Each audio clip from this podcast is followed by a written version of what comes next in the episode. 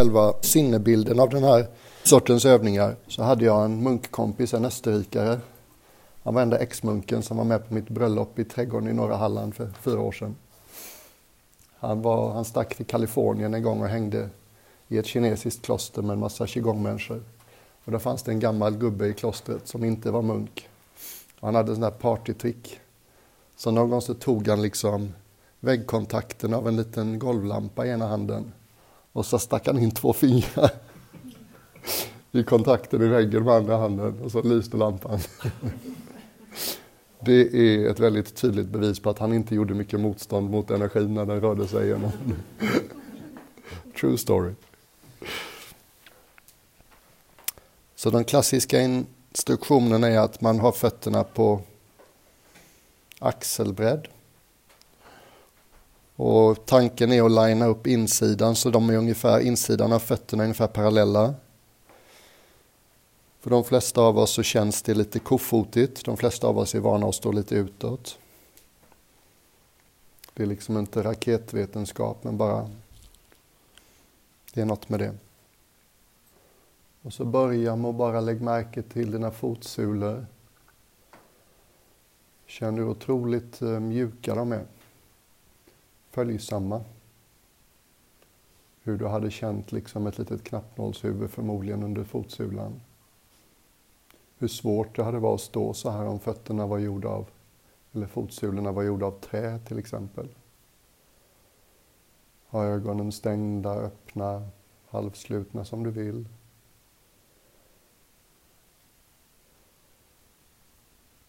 I morse så kallade jag det här att vi sitter och känner kroppens vikt mot det vi sitter på för att kontemplatera jordelementet. Psykologiskt tenderar det att grunda. I viss mån kontemplaterar vi jordelementet nu med för vi känner kroppens tyngd genom fotsulorna ner i marken. Vi känner också fotsulornas plasticitet hur följsamma de är, hur de anpassar sig till vad de möter. Det kallas inom buddhismen att kontemplatera vattenelementet. All materias benägenhet och i någon mån anpassa sig till vad de möter. Och ibland när jag vilar i det intrycket så kan någonting mjukna i mig även känslomässigt.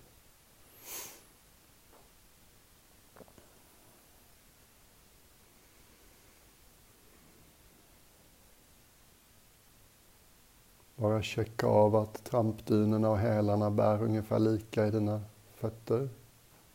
Så du inte lägger all vikt fram eller bak på fotsulorna.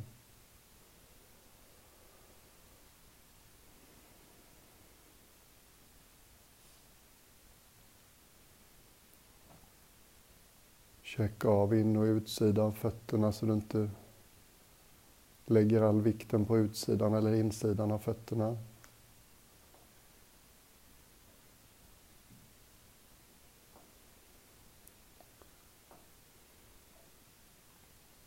I ett modernt liv så väldigt mycket skor inblandade. Jag hade ju egentligen inte stängda skor på 17 år. Jag hade inte saknat det. Men så ser det ut. Mest av det vi bär på skorna, det stänger inne våra tår. Så bara lägg märke till att du ens har tår. Känn tårnas kloliknande egenskap. Låt dem liksom få vara med och stå.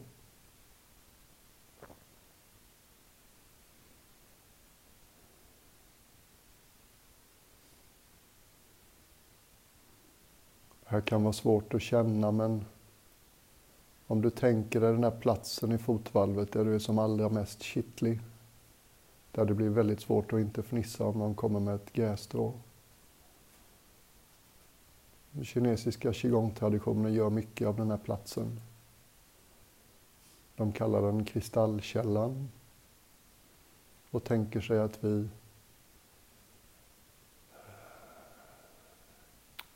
tar emot energi där från marken under oss mer än med någon annan del av kroppen. Låt knäna vara böjda ju mer svikt du har i knäna, ju mer böj du har i knäleden, desto mer energi kommer så småningom att stiga här. Inom qigong-traditionen upptäckte man att en eh, böjd led släpper igenom energi mycket lättare än en uträtad led. Så uppmuntran är att låta alla leder få vara mjuka och lite böjda. Alla de små lederna i varje finger. Armbågarna.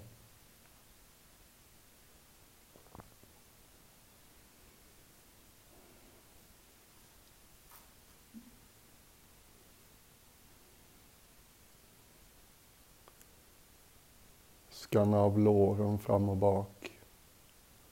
Har du hamnat i obalans på fötterna så du liksom väger bakåt eller framåt märker du ofta det på att låren är mer laddade fram eller bak.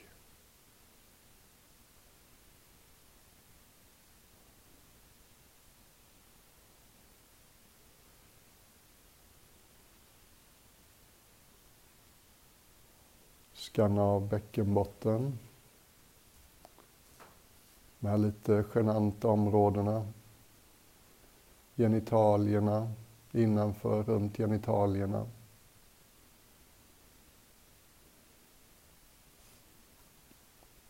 Precis på samma sätt som jag riktat uppmärksamhet mot en massa andra kroppsdelar. Hur står det till? Hur känns det?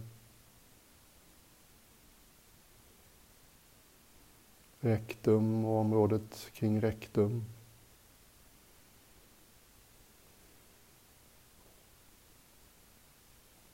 Området mellan rektum och genitalierna.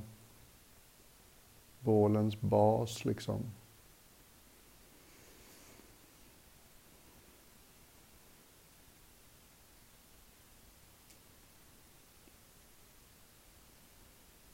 Om du tänker dig din ryggrad så i nedre änden så slutar den med ett lite speciellt ben.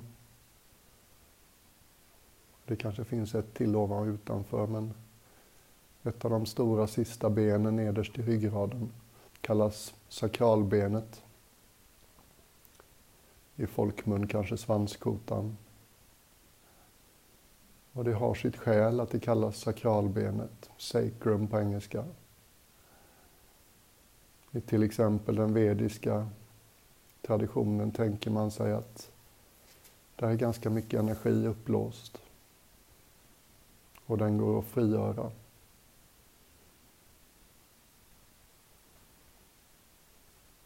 Och om du tänker dig att du har liksom en förlängning på sakralbenet, svanskotan neråt, ungefär som en liten svans, så är tendensen för många av oss att vi tenderar att peka svansen och svanskotan lite bakåt.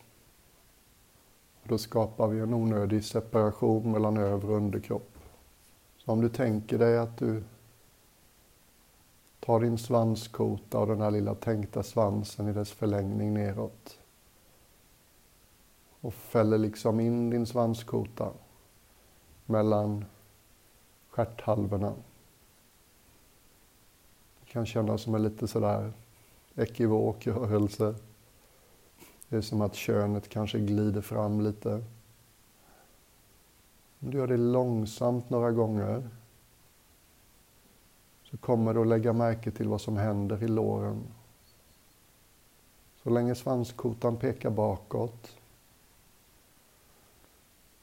så blir det liksom höfterna som bär över kroppen och då spänner sig höfterna.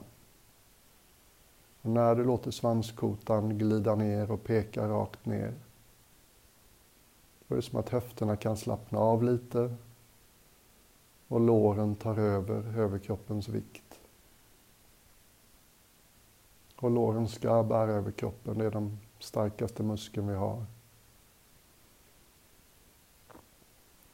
Och jag gissar att för många av oss, så många gånger under den här korta stående meditationen, så kommer din svanskota vanemässigt att börja peka bakåt igen. En väldigt fin justering att göra. bara se till att den liksom får glida neråt. Du kan säkert känna igen det, är nästan som liksom ett slow motion, ett subtilt slow motion juckande liksom.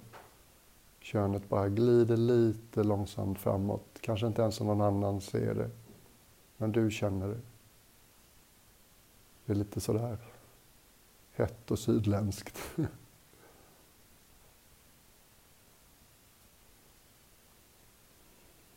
Men då står vi stadigare. Ett annat sätt att stå stadigt det är att lägga märke till att vi har ett kraftcentrum i magen. Ett par fingrar, fingerbredd, ett par centimeter nedanför naveln. Ett par centimeter innanför naveln.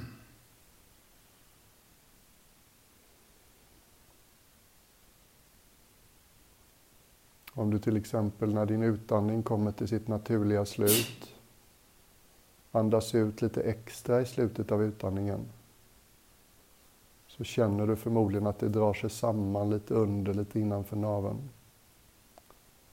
Det är den kraftplatsen jag talar om.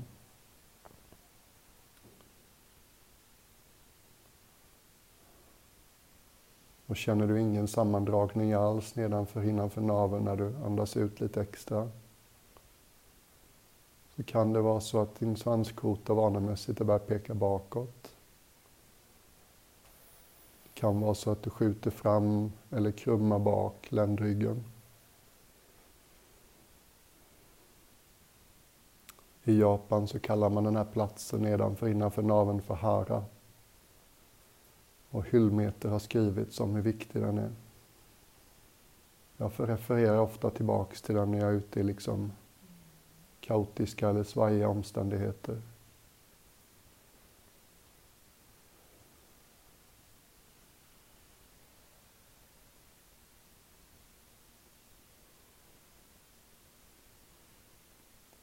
Känna av dina handflator. Kan du känna hur det surrar i handflatorna? Liksom en högfrekvent vibration i handflatorna. Det är det jag talar om när jag talar om energi. Jag gissar att vi alla känner det. Det är det som gör att du vet att kroppen lever. Det här kallar man qi i Kina, det surret. Det är det som har gett qigong sitt namn. Man kallar det ki i Japan. Man kallar det prana i den vediska traditionen. Jag har inte hittat något bra ord på västerländska språk så jag bara kallar det vitalitet.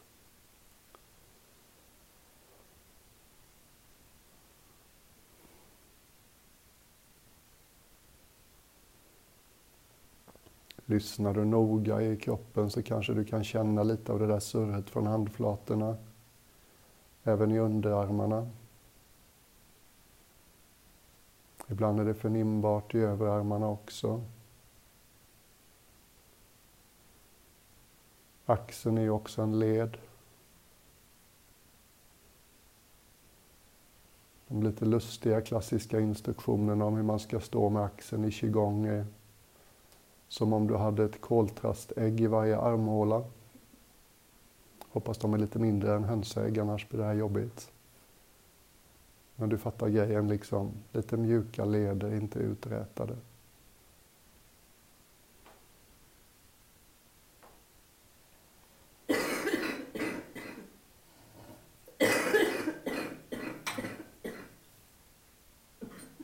Låt framsidan av kroppen och ansiktet vara ganska mjukt. Mm. Och till alla er som hostar ibland, precis som jag. Inget att skämmas för, kroppar gör vad de gör. Mycket mysigare att ni är kvar. Hosta lite och sen är ni kvar, ingen behöver gå ut. Vi kan vänta, så bråttom har vi inte.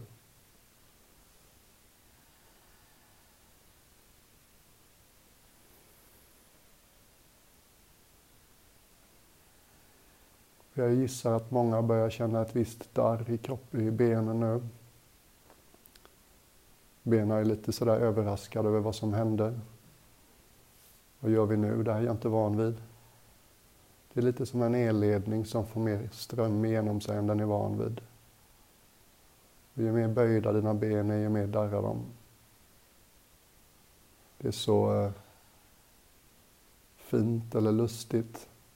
Det här är liksom den mest avancerade av alla positionerna inom hela qigong-systemet. Det kallas att stå som ett träd. Man tänker sig att insidan av våra ben är som, eller benen är som trädets bark. Och på insidan av benen så stiger saven precis som på trädet under barken. Så känner du lite av det där surret från handflatorna även stigandes i benen. Så vet du från och med nu alldeles säkert vad energi och chi och ki och prana är för någonting. Och nu tänkte jag vi skulle ta det här en litet steg till.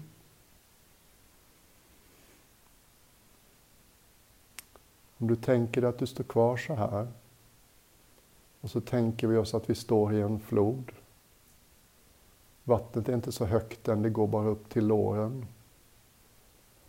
Vi står med ansiktet och framkroppen nedströms. Och det finns en viss ström i floden. Så vi spjärnar liksom lite grann. Ett subtilt men ändå kontinuerligt liksom tryck bakifrån som vi kompenserar för, håller emot. Och flodvattnet stiger så sakta. Och nu är det uppe vid våra fingertoppar. Och sen i takt med att flodvattnet stiger så lyfter sig våra armar. Vi gör det här med så lite viljekraft vi kan. Så lite ansträngning vi kan. Nästan som att bara intentionen räcker för att de ska sakta lyfta. Nästan så att bara bilden av floden räcker för att de ska lyfta.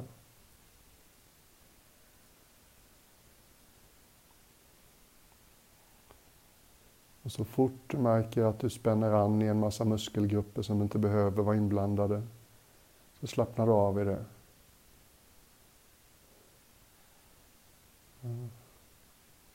Hur ekonomisk kan jag vara med ansträngning i den här rörelsen? Nästan bara låta det ske. Floden lyfter mina armar, inte mina muskler mer än nödvändigt. Armarna kommer så småningom att sluta i en cirkel framför bröstet. Men ta din tid.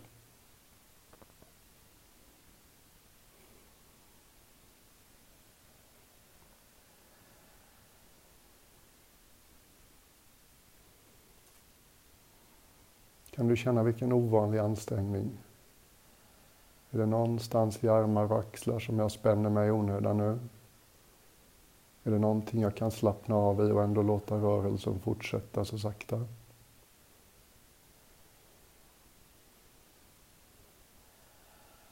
Och så småningom så hamnar du med armarna i en cirkel framför bröstet ungefär. Den här lilla rörelsen heter och den kallas att hålla ballongen.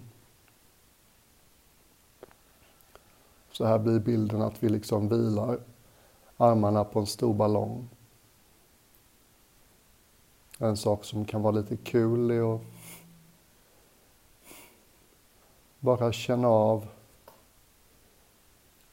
hitta ett avstånd mellan de båda händernas fingertoppar. Som ligger någonstans mellan 2, 3 och 7, 8 centimeter gissar jag så kan det ibland hända att man helt plötsligt känner hur energin rör sig inte bara i våra händer. Den tycks till och med röra sig mellan de två händernas fingertoppar. Lite som ett tändstift i en bil. När det är rätt inställt liksom, så gnistrar det. Checka av svanskotan då och då, att du inte vanemässigt har låtit den börja peka bakåt. Checka av fötterna, att du bär lika mycket fram och bak. Bara håll armarna här. Det är inte långt kvar. Det här kan vara jättejobbigt. Kan du hålla kvar dem med lite mindre ansträngning? Är det något i skuldror, armar, axlar du kan slappna av i och ändå behålla positionen? Kanske känner du lite mer den här energin som jag har talat om. Surra lite bredare i ben och ibland kan man till och med känna den uppför bålens sidor. En del upplever till och med hur det strömmar upp liksom genom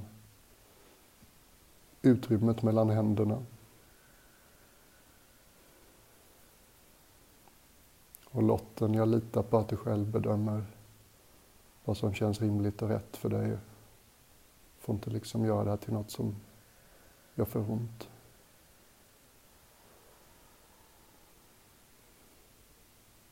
Låt oss bara hålla så här en minut till.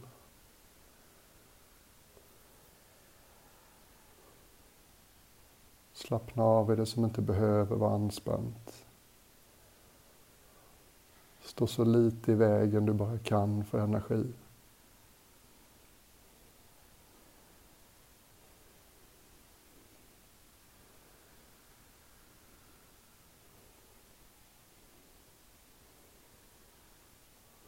Och helt oförklarligt så börjar floden så sakta sjunka igen.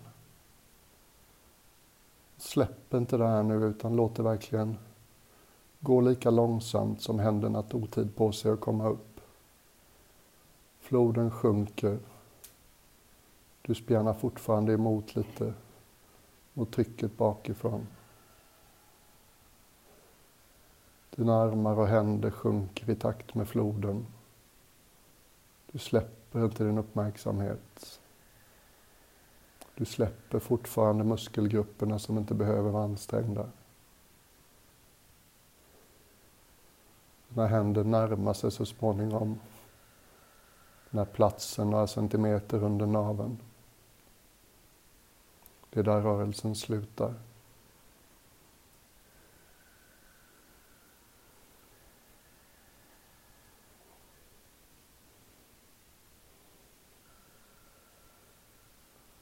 Och när du når fram så låt bara handflatorna vila kring en plats ett par centimeter nedanför naveln. Vi återvinner energin.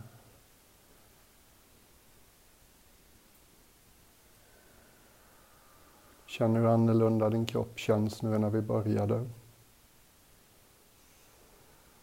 Den darrar säkert en del, den är säkert varm. Du är säkert mycket mer medveten om det här högfrekventa surret. Och utan att bryta den här lite ovanliga närvaron i sin egen kropp så lugnt och fint sätter vi oss i vår egen takt.